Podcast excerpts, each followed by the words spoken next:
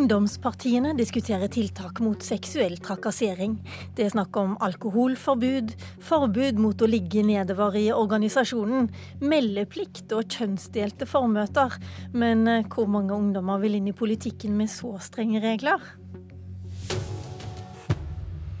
Ja, hvordan skal man holde klåfingra partifeller unna ungdommen? Spørsmålet opptar alle de politiske ungdomsorganisasjonene som vi har invitert i dag. Når det gjelder de voksne, så er både statsminister og Ap-lederen enige om at de har svikta. Vi har altså sviktet i det arbeidet vi skulle gjort for å skape et trygt politisk miljø. Jeg tror vi må gå i oss selv og spørre om har vi tatt alvorlig nok ting som kan ha summet rundt. Og det bør også mine forgjengere gjøre. For meg er det jo vondt uh, å tenke på at unge mennesker som har ønsket å drive politikk i Høyre, har hatt opplevelser de ikke skulle hatt i et politisk parti. Hvis bare AUF og Unge Høyre hadde fulgt retningslinjene til Sosialistisk Ungdom, så kunne de unngått de verste skandalesakene. Det sier du ganske friskt, Andrea Sjøvold, leder i Sosialistisk Ungdom. Hva for noen regler mener du dere har som kunne ha stoppa det som nå kalles aggressiv sjekking og seksuell trakassering? Altså, det handler ikke utelukkende om eh, rutiner og reglement, men det handler om en kombinasjon av nulltoleranse for seksuell trakassering og overgrep, og mye fokus på det, hvordan man varsler, og hva som skjer når man varsler. Og at man anerkjenner at dette her er et såpass utbredt problem i samfunnet. Eh, og det er også noe som kan skje hos oss. Dere har egne, eget skriv dere som de tillitsvalgte må skrive under på? Det stemmer det. Vi har eh, retningslinjer for håndtering av seksuell trakassering og overgrep, som alle våre nye tillitsvalgte må signere. At de har lest det, og at de har forstått det. Og der står det veldig klart og tydelig hva skal du gjøre hvis du får en sak, eh, og hvem er det som skal ta den saken videre. Og likevel så har dere fått tre saker, varslersaker nå, hvorav én handler om voldtekt. Altså, det handler jo ikke om hvor mange saker man har, det er jo ikke det som er problemet. Det handler jo også om at man har en kultur der det er mulig å varsle om saker hvis det skulle oppstå noe. Eh, og så er det viktig at vi fortsetter et godt arbeid med forebygging, men ikke minst hvordan man håndterer saker hvis det først kommer opp. Da. Hva er det som ville ha stoppa eh, Unge Høyre-lederen og nestlederen i Arbeiderpartiet da, hvis Eh, med deres regler? Altså, jeg tror eh, Den oppførselen jeg har fått inntrykk av har skjedd, ville nok aldri ha blitt godtatt i Sosialistisk Ungdom. Dette er noe vi ville ha slått hardt ned for fra, fra begynnelsen av. Eh, og vi har jo eh, formøter for hver arrangement som, der vi snakker om, om seksuell trakassering, om hersketeknikker, at disse tingene her kan skje, og hva man gjør eh, hvis det skjer. Og så har vi feministisk selvforsvarskurs for å lære jenter at de er verdt å, å forsvare. Og så har vi disse rutinene eh, der vi tar tak i saker eh, smått og stort, sånn at det ikke skal bli enda større. Er det rutiner dere mangler for mye av, eh, Mani Hussaini, leder i AUF? Altså jeg mener at vi kan uh, alltids bli bedre, og vi kan lære av hverandre. Eh, likevel så eh, kjenner jeg meg ikke igjen i at eh, eh min ungdomsorganisasjon preges eh, av aggressiv sjekking og alkohol. I AUF er det faktisk total alkoholforbud. Det ble innført da Jens Stoltenberg var leder i AF på 80-tallet. Og grunnen til at man gjorde det da, var jo man, at man ville ha en inkluderende organisasjon hvor både de som var over 18 år, skulle ha en plass å være, men også de som var under 18 år. Jeg gir jo en forsikring til alle foreldre når de sender sine mindreårige på AF-arrangement. Men hvorfor sier da fordi, Støre at alkoholen er elefanten i rommet? Ja, det må jo det, være alkohol likevel. Ja, fordi det er jo da snakk om Arbeiderpartiet, eh, hvor de har da egne regler. I Arbeiderpartiet er det ikke noe alkoholforbud, mens i AF er det det. Og jeg, eh, for min del, med så mange medlemmer som ønsker å være aktive og ønsker å være med å forandre Norge til det bedre, så vil jeg ha en inkluderende organisasjon. Eh, og det er noe alle i AF vet om. Eh, at i AF så drikker vi ikke. På alle våre kurs og arrangementer så har vi faktisk bagasjesjekk. Fordi vi ønsker at det skal skapes trygge omgivelser. Og det er også en bonus her. Det er jo at det blir mye bedre møter dersom man ikke har alkohol på ungdomsarrangementer. Tonje Lavik, du er generalsekretær i Fremskrittspartiets Ungdom. Eh, hvorfor eh, vil dere fortsette å eh, ha alkohol på deres arrangementer? Ja, altså I likhet til det man forventer av alle andre samfunnsaktører i Norge, så forholder vi FPU oss til norsk lov, og i Norge så er myndighetsalderen 18 år. Eh, likevel så har vi et eh, ganske strengt alkoholreglement som også er skissert i våre vedtekter, som sier at ingen over eh, 18 år skal servere de under 18 år alkohol, eh, og ingen under 18 år kan drikke eh, alkohol. Men det er norsk lov? Ja, det er norsk lov. Mm. Og det er det jeg også innleder med å si, at i likhet med det man forventer av andre samfunnsaktører, så forholder vi også oss til norsk lov. Mm. Eh, og jeg syns på en måte også at det er et paradoks at problematikken rundt metoo-kampanjen blir snerva inn til å handle om alkohol. Jeg syns at det gjelder så veldig mye mer, da. Eh, og det handler om de holdningene man har. Eh, og det som må til for å kunne løse de problemene som kommer opp eh, i forbindelse med metoo, handler om en holdningsendring. Mm, jeg har lyst til å høre med deg også, Sandra Bruflot. Mm. Du er leder i Unge Høyre. Dere kunne ha unngått ganske mye hvis dere hadde hatt alkoholforbud, kanskje? Mye av det som eh, man snakker om når Unge Høyre-lederen er mm har foregått under påvirkning av alkohol? Ja, Først vil jeg bare si at jeg er ikke enig i at det har blitt godtatt hos Unge Høyre med aggressiv sjekking, eh, med et for høyt alkoholkonsum og de tingene som har blitt tatt opp de siste ukene. Det er også grunnen til at Kristian eh, måtte gå av som Unge Høyre-leder også før vi hadde fått inn varsler som vi kjente til. Så jeg er ikke enig i den beskrivelsen.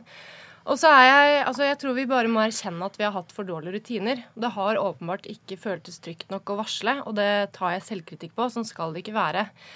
Eh, og vi har innført alkoholforbud nå. Eh, det er riktig å gjøre i den situasjonen vi er i nå, fordi Kommer det, det til å vare? Det kommer til å vare en stund, i hvert fall. Og så tror jeg ikke at det er jeg som skal bestemme det aleine. Og så tror jeg heller ikke at vi skal ta alle avgjørelser mens vi står midt oppi det som må betegnes som en stor krise for Unge Høyre. Men jeg vil også få sagt eh, også Vi har hatt strenge reglementer rundt dette. Vi har hatt bagasjesjekk. Vi har hatt alle disse tingene, vi òg. Eh, men det er for enkelt å si at dette er kun alkoholen sin skyld. Man må kunne forvente av voksne mennesker, enten de er i Unge Høyre eller i Høyre eller i Arbeiderpartiet for den sakens skyld, at man kan ta tre øl og ikke bli en drittsekk. Mm. Eh, og så skjønner jeg også at alkohol er en faktor i dette, og at det selvfølgelig er med på å gjøre terskelen lavere, at det er unge mennesker som møter eldre osv. Så, videre. så det er riktig å innføre et alkoholforbud nå, men det er for enkelt å si at dette er kun alkohol sin feil, for okay. her må man jobbe med holdninger. La oss gå videre, da, hvis dere, siden jeg ser dere sitter og nikker om det. Eh, dere har også innført eh, regler både i Sosialistisk Ungdom og i AUF mot å ligge nedover i mm. organisasjonen. Men jeg lurer jo på er dette noe man klarer å følge opp? Mani Hussaini?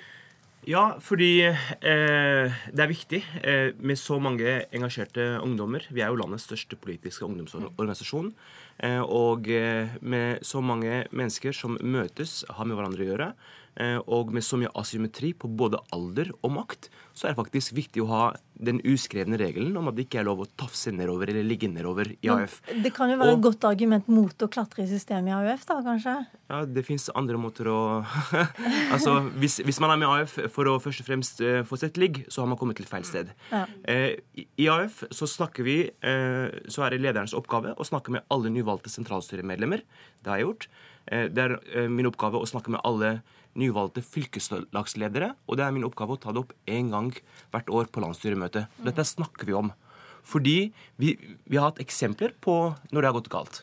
Eh, og ofte er det den som er eh, lavere ned i makthierarkiet, eller er yngre, som må vike for den eldre. Og det er ofte jentene, sa du til meg i går. Ja, det er helt riktig. Det er ofte jentene som må vike for det.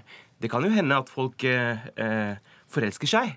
Og det har vi på en måte, det har vi åpning for. Eh, men, men, men, likevel så pleier jeg å ta en samtale dersom det skjer, og få de til å reflektere over hva kan skje dersom det blir slutt.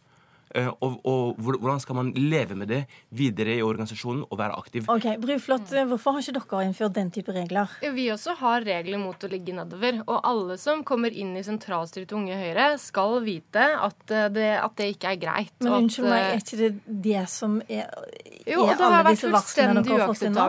Jo, det er det som har vært varslene. Det har vært fullstendig uakseptabelt. Alle tillitspersoner i Unge Høyre skal vite at det ikke er lov. Men da blir jeg litt sånn nysgjerrig på mm. den kollektive hukommelsessvikten plikten igjen. Og så er det ingen som har fått med seg dette, at det skjer? Altså, eh, For å si det sånn, da. Som vi har sagt før. Det har blitt sjekka. Eh, det har vært høyt alkoholkonsum, og det har blitt slått ned på. Han har blitt konfrontert med det. Eh, og dette, altså, dette, har vi tatt opp. For å si det sånn, Alle tillitsvalgte i Unge Høyre skal vite at det ikke er lov til å ligge nedover. Og når det ikke har skjedd, så er det mitt ansvar og vårt ansvar, og sånn skal det ikke være. Er dere like strenge jeg... på det, Tonje Lavik? Men, jeg må, fordi, et lite øyeblikk, så skal ja. du få ordet igjen.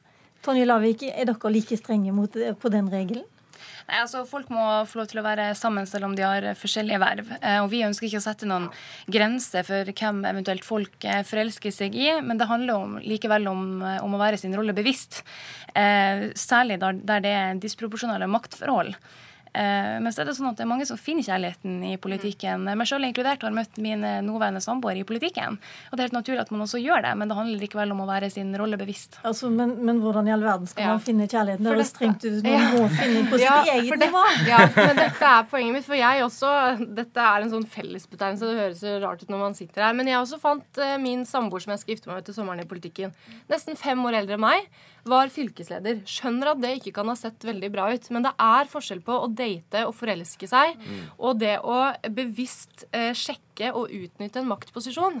Det første er greit, det andre er ikke greit. Mm. Og det tror jeg egentlig alle er helt enige om, men så må man faktisk diskutere strukturer eh, og maktforhold generelt, fordi man må være bevisst på den rollen man har, og man må være bevisst på at man er en tillitsperson med makt som mennesker ser opp til, og det er det ikke lov å utnytte. Eh, Andrea Sjøvold, dere har jo også kjønnsdelte møter i mm. forkant av eh, landsmøter, f.eks. Hva skjer da? Altså, det handler om å lage eh, trygge arenaer der eh, jenter og gutter eh, hver for seg kan få snakke mm. om de utfordringene man møter i samfunnet, som er helt avhengig av kjønn. Hvordan ser eh, samfunnet på deg, avhengig av hvilket kjønn du har. Og Der snakker vi også veldig mye om hersketeknikker, bl.a. At det også kan skje hos SU, og seksuell trakassering og overgrep. Og hva gjør man i de tilfellene, og hva gjør vi for å forhindre at det skjer. Og hvis man, eh, altså Grunnen til at det er kjønnsdelt, er fordi at det skal være trygt. Man skal ikke eh, måtte sitte sammen med noen som, eh, som man er usikker på, på, i dette rommet her. Mm. Eh, men man skal kunne være åpen om, om sine erfaringer eh, og sine eh, bekymringer for SU også. Mm. Det er en sak, Jeg må bare spørre deg om det, Sandra Bruflot. Det er en mm. sak i Vårt Land i dag mm. eh, der lederen i KrFU var på mm. hilsnings, hadde, hadde hilsningstale til Unge Høyres landsmøte. Og da satt noen i salen og tvitra meldinger om hvordan de skulle få henne på rommet etterpå, om utseendet hennes osv. Mm. Eh, det er også en KrFU-kilde som mener at eh, Unge Høyres landsmøter eller Unge Høyre har vært verre enn alle de andre. Hva tenker du om det? Ja, jeg kjenner meg ikke igjen i at Unge Høyre har vært verre enn alle andre. Eh, og jeg vil gjerne snakke med vedkommende, fordi jeg kjenner meg ikke igjen i det. Og jeg lurer faktisk litt på altså, hvilken fest det er, fordi da må man slå ned på det. Når det gjelder eh, saken med, med, Ida, så husker jeg det godt, fordi jeg satt i landsmøtesalen Ida Lindtvedt, tidligere ja. KrFU-lederen? Ja, ja, stemmer. For jeg husker, jeg husker, det godt. Jeg satt i salen selv og var kandidat til sentralstyret, og vi hadde en eh, to eh, parodikontoer på Twitter som tvitra upassende meldinger om Ida og om mange andre. Eh, det ble tatt tak i. Kontoen ble sletta. Eh, daværende generalsekretær tok det fra scenen også om at dette var uakseptabelt. Og sånn jeg husker det, så ble det håndtert der og der. Og det skal ikke skje. Og dette er et, det er et problem hos oss, det er et problem andre steder. Jeg tror det er få jenter i politikken og ellers, dessverre, som ikke har fått sånne kommentarer. Og sånn skal det ikke være. Uansett om det er hos oss eller hos andre. Mm. Man lurer jo litt på hvor trygt det er å sende ungdommer til, mm. Eh, til partiorganisasjoner. Jeg vet at det er et spørsmål som opptar dere mye. og Jeg har lyst til å spørre deg også, Mani Hussaini. fordi at jeg vet dere har klare regler, og det er mange fine regler her. Mm. F.eks. om alkohol. Og så mm. vet man at AUF-ere går på byen etter møtet mm. og drikker alkohol. Mm. Det er jo mange måter å omgå disse reglene på. Ja. Og ungdom kommer jo til å møtes uansett. Definitivt. Og eh, eh jeg som leder av AUF eh, har jo ansvar for de tingene som skjer på AUFs arrangementer. Eh, og jeg skal ikke leke politi og løpe rundt eh, AUF-ere med tillitsverv og passe på at de ikke drikker alkohol. Men det jeg sier, det er at på AUFs arrangementer skal det være totalforbud. Eh, og så er folk med tillitsverv i AUF de har et ekstra ansvar også utenfor AF. det skjer jo. Folk blir jo venner, folk forelsker seg jo. Eh, folk er jo på fest sammen. Eh, eh, så lenge det er utenfor AF, så har man fortsatt et ansvar dersom man er tillitsvalgt. Så foreldre, jeg må nesten avslutte nå, for vi har et halvt minutt igjen. Foreldre skal være trygge på at det er trygt å komme til dere? Ja, det må du gjøre. Det skal det være, men det skal fortsatt være ungdomsorganisasjoner. Så, men det skal være regler for at det skal være trygt og fint å være med, uansett om det er SU eller Unge Høyre. Det skal også være ungdomsorganisasjoner. Hva mener du med det? At uh, det fortsatt skal være lov å forelske seg, og at voksne mennesker også kanskje bør få lov til å ta seg en øl på Høyres landsmøte, f.eks. Om ikke på Unge Høyres. Ikke AF. Vi får ta med oss det. Takk til Andrea Sjøvold, Mani Husseina, Sandra Bruflot og Tonje Lavik. Mitt navn er Lilla Sølhusvik.